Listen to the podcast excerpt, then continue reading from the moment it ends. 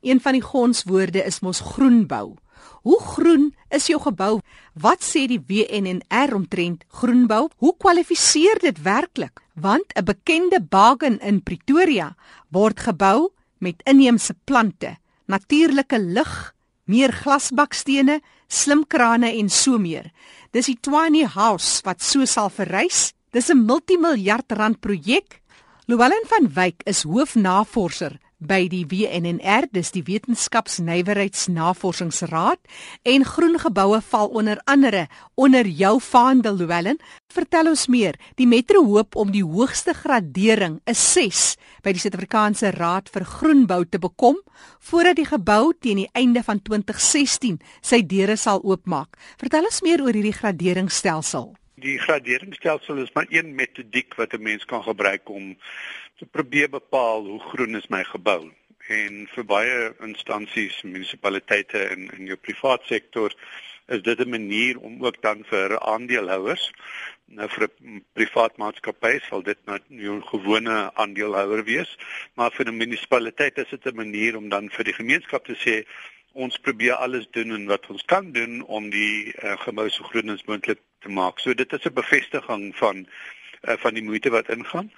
Dit gesê, hulle mik wel vir die die hoogste toekenning wat jy kan kry. Kyk, 4 ster is uh, is jou minimum. Ehm um, daar's 1, 2 en 3, maar dit tel nie. So as jy wil hê dat jou gebou moet as groen beskryf word deur die stelsel. Dis nie te sê noodwendig dat ander geboue nie groen is nie wat nie deur die stelsel gegaan het nie, maar as ons hierdie metodiek gebruik, 'n 4 ster is dan beskou as 'n 'n groen gebou. 5 mm -hmm. ster is 'n nasionale wat hulle in Engels sou sê, jy weet, 'n so best practice op 'n nasionale vlak. 6 sterre sê hierdie is gelyk aan die beste groen geboue in die wêreld. So hulle mik baie hoog en nou hoe daai 6 sterre bepaal word is verskillende kategorieë, dink as 6 of 7, maar die hoof is jou energie, jou water, jou omgewing, die materiaal wat jy gebruik uh, en dis meer. En dan word jy punte toegeken gekoppel aan hoe goed het jy gevaar om die teiken te te kry wat in daardie kategorie gestel is. Soos byvoorbeeld energie tel uh, 20 of 25 punte. So as jy net 12 kry uh, en ander gedeeltes van die ander kategorie kry ook maar so van 50%, nou ou en van die dag gaan jy by 4 sterre uitkom. So hoe beter jy in elke kategorie doen, hoe hoe meer sterre gaan jy kry. So wat hulle sê is hulle gaan probeer amper volpunte in elk van daai kategorieë behaal wat wat wat uit uitstaande is en, en dit is dit is noemenswaardig party persele byvoorbeeld is nie goed geleë in terme van openbare vervoer nie. So daar is niks daar, daar wat jy kan doen nie. As jy nie naby 'n treinstasie of 'n busstasie of 'n roete is nie, dan is jy nie. So jy ja. gaan nie punte behaal nie. Uh so dit hang af van uh van van waar jy geleë is en en ook wat jou begroting is natuurlik. Hoe meer punte jy behaal, hoe meer gaan die gebou jou kos. So jy probeer 'n balans jy weet bou tussen hoeveel sterre kan ek gaan en, en ja. waar as ek geleë en hoeveel geld het ek. En die bouproses spesifiek wel tel dit enigsins? Daar's twee prosesse. Jy kan wat hulle noem 'n design certification kry. Dit is te sê dat jy nou jou ontwerp van jou gebou gedoen, jy het al jou toetse gedoen, jy het jou jou simulasies gedoen, jy het probeer bepaal hoeveel energie gaan die gebou gebruik, hoeveel water gaan dit gebruik, uh hoeveel sement gaan ek verminder deur byvoorbeeld ehm um, waste fly ash in te sit uh en dis meer. En dan kry jy 'n toekenning, uh sê nou hulle kry nou 6 sterre vir design. Mm. So dis nie te sê die gebou gaan so eintlik optree nie, dis net te sê gemik op wat jy ontwerp is, uh, behoort jy dan jou jou punte te kry. As built is dit natuurlik problematies. Die ja. data is die data. As jy jou gebou 'n sekere hoeveelheid energie gebruik of water gebruik, jy kan nie daarmee speel nie. Dit is wat dit gebruik en en dis feitelik. Tensy jy nou iets gaan doen aan die gebou en sien of jy dit kan verbeter en dan uh, aansoek insit. So jy moet dit min of meer eintlik eerste rond regkry. En boumateriaal? Boumateriaal uh, is nogal belangrik. En nou dit moet ek vir jou sê, Gauteng is dit 'n bietjie makliker in ander gedeeltes van Suid-Afrika. En die rede daarvoor is dat van Johannesburg Pretoria kan jy toegang kry tot meestal van die materiaal wat jy benodig binne 'n afstand van 100 200 uh, km. En en jy kry punte daarvoor. So hoe minder vervoer word uh, gebruik om in 'n afstand word gebruik om materiaal te bring, hoe meer punte gaan jy kry. So in Gauteng werk dit baie lekker. Die tweede ding is recycled staal kry jy voor punte en in Gauteng is daar nou redelik uh, vrylik beskikbaar. Hulle gaan op sement, mindering van sement. Jy kyk na ehm um, rommel dat jy nie ehm um, baie rommel op op perseel genereer nie. Uh so jy gebruik soveel as wat jy kan. Sê ook as jy ontwerp, moet jy ontwerp sodat jy byvoorbeeld nie jou bakstene bakstene hoef te sny nie. Jy werk met die maate van die bakstene, jou vensteropeninge en jou deure, jy probeer alles standaard hou sodat daar nie afval is nie. So jy probeer soveel as moontlik gebruik wat wat jy het en dan as er nou iets oor is en dis die minste wat jy kan moontlik kry, dan verseker jy dit dat dit nie op 'n oop veld gaan gedamp word nie, dit word geneem na 'n geïdentifiseerde landfill site. As 'n mens nou kyk na so 'n groen gebou, hoe word polisieering toegepas dat jy nou nie al hierdie sterre gekry het nie en daarna is dit die grootste grootste uitroep teen omgewingsvriendelikheid ja, wat daar in so 'n ja, gebou plaasvind. Ja, daar is natuurlik 'n risiko met die design, nê, nee, want jy kan 'n ja. ontwerp insit en jou toekenning kry en dan in die bouproses laat val jy baie van die goed. Mm. Dit dit kan wel gebeur. Uh, dit is nou maar 'n risiko en 'n mens probeer nou maar aanvaar dat mense wat nou die moeite te gaan om 'n ontwerp te doen en die geld te betaal om die, die proses deur te gaan nie noodwendig dit gaan doen net vir die lus daarvan nie en dan nie gaan bou uh, daarvolgens nie. Onthou ook in die privaat sektor is nie soveel toepassing om die, die openbare sektor nie, maar in die privaat sektor wil baie van die huurders weet dat dit 'n groot gebou is. Ja. So jy loop 'n groot risiko as jy 'n uh, toekenning kry en jy pas dit nie toe nie. Want as jy hier dit uit uit sal eintlik die gebou uh, verlaat en dan sit jy sonder hier. So daar is meganismes, nie baie sterk nie, maar daar is meganismes. Jou veiligste is jou as-built. Want dit is ja, daai data wat jy vir ons stuur is gebaseer op wat die gebou doen niemand kan daarmee argumenteer nie. So jou as-built is jou grootste waarborg dat uh, die gebou wel groen is want jy kan sien dit werk op die vlak wat wat jy, jy gesê dit gaan werk. So deur middel van hierdie prosesse word dit ook verseker dat dit wel inheemse plante is wat gebruik word om dan die kantoorkompleks nie net mooi te laat lyk nie maar ook om die koolstofvlakke te verminder en slim krane wat gebruik word en so meer. Ehm um, die inheemse plante is nog 'n interessante een want wat die stelsel doen is dit sê twee dinge. Jy kry punte as jy nie jou bespuiting waterbespuit besproeiing nie. Wat is die woord waterbesproeiing gebruik op op jou tuin nie. In ander woorde as jy plante gebruik wat inheems is en jy aanvaar in die somer gaan dit baie mooi wees, die gras gaan groen wees, al die goedes in die winter gaan dit 'n bietjie bruin wees, dan kry jy eintlik punte daarvan. En nommer 2, daar is 'n kalkulator wat jy gebruik en voor jy op die perseel gaan, doen jy opname van wat is die plante wat op die perseel is, wat se bome is daar en hoe inheems is hulle en wat is hulle bydra na die ecological value van die perseel. Ek kry punte as ek kan bewys dat die waarde die ekologiese waarde van die perseel hoër is as ek klaar gebou is.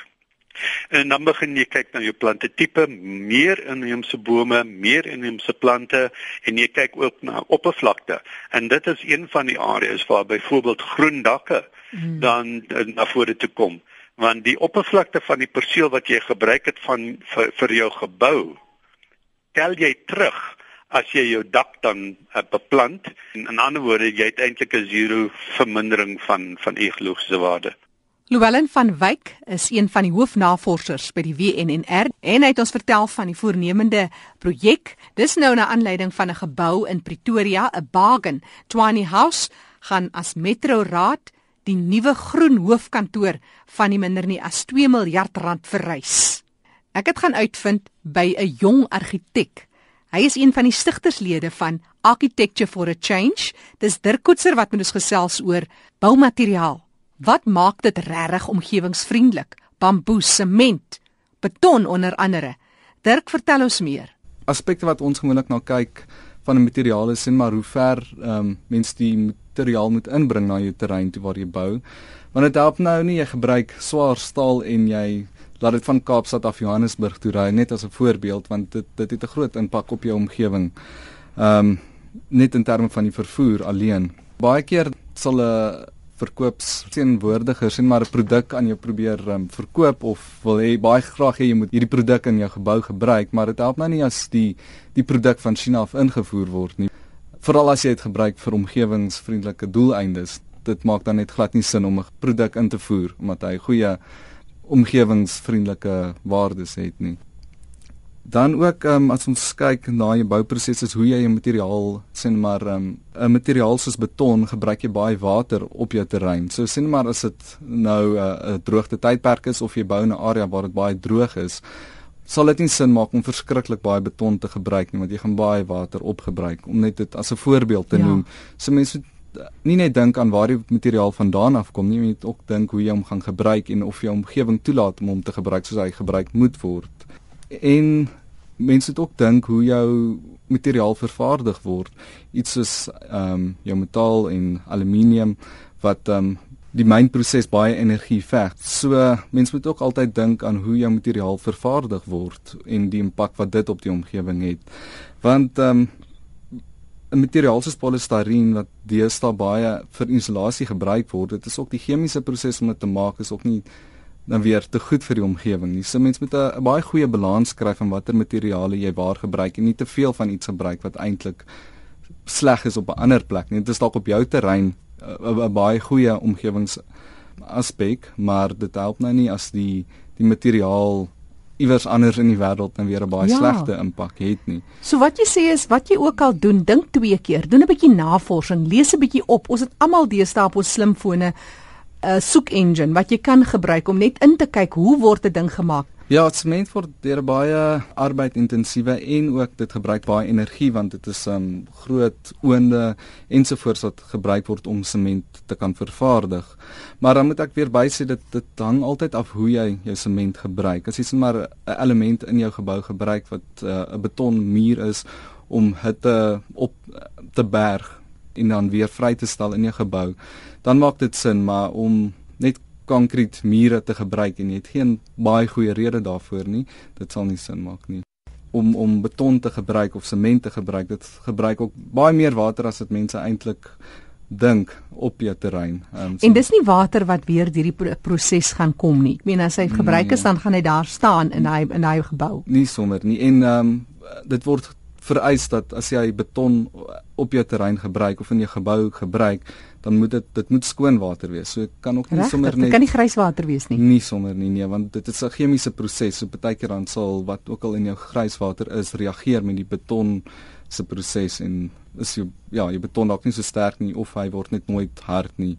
So dit moet skoon water wees. So dit is dit is volgens jou drinkwater wat jy sal gebruik in die gebruik van beton. Ons watergebruik is nog bietjie ver agter waar um, in in baie ander lande word uh, grijswater en swartwater hergebruik op op baie ander maniere wat ons nog nie in baie geboue in in ons land gebruik nie. Dit is baie keer vir ons as argitek of ontwerpers moeilik want ons het daai kennis en ons weet die impak, maar dit vat ook jare se uh, onderrig om om dit te besef.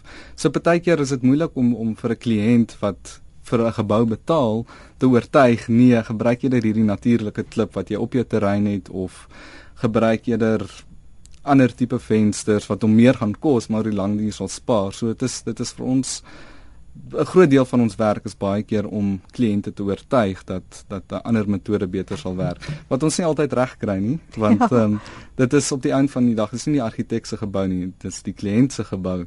So jy die argitek het nie die laaste sê nie. In Suid-Afrika, so 'n bietjie oor ons tendense as 'n mens kyk na ontwerp en so meer, wat sou jy sê ten opsigte van omgewingsvriendelikheid? Ek dink dit is 'n uh, iets wat baie groei. Daar's ook 'n mark gekoppel aan dit. So sodra daar 'n uh, ekonomiese voordeel sien maar is of 'n um, groot um, kliënt of groot um, industrie begin groen geboue gebruik, dit beteken dit is dit is ander mense sal 10 10 en daarop volg en dit beteken daar is um, produkvervaardigers wat meer begin bemark hierso en dit is sodra ek dink in in die boubedryf is daar ekonomiese voordeel aan iets gekoppel word dan dan is dit iets wat sal groei.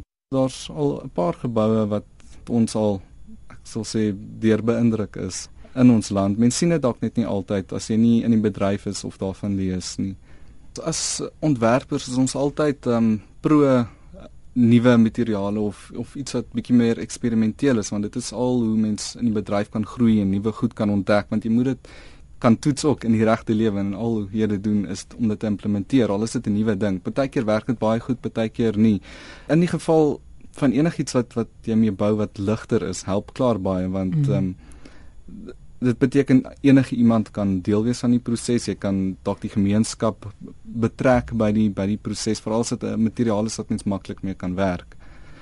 En dit is dit is selfs nog beter as dit jou gebou baie gemakliker laat voel en brandbestand kan wees. Dis maar 'n materiaal waar jy sien maar iets soos polystyreen en uh, beton begin meng in 'n produk. Dit beteken jy kry sien maar die die die goeie waardes van albei want jy beton is baie goed om hitte op te vang en dan weer in die nag wanneer dit kouer word weer vry te stel. So waar die produkte begin meng, kan jy daai voordeel trek van die beton en insulerende waardes en liggewig waardes van jou polistireen. Een ding wat mense baie keer vergeet is dat ehm um, mens iets eerder kan hergebruik as om dit te herwin, want deur om iets te herwin, gebruik jy net weer baie energie in 'n proses net om dit, jy weet, in 'n ander vorm te kan oorgebruik waar as jy iets hergebruik of weer gebruik dan is daar nie 'n hele proses daarvan om dit te herwin nie.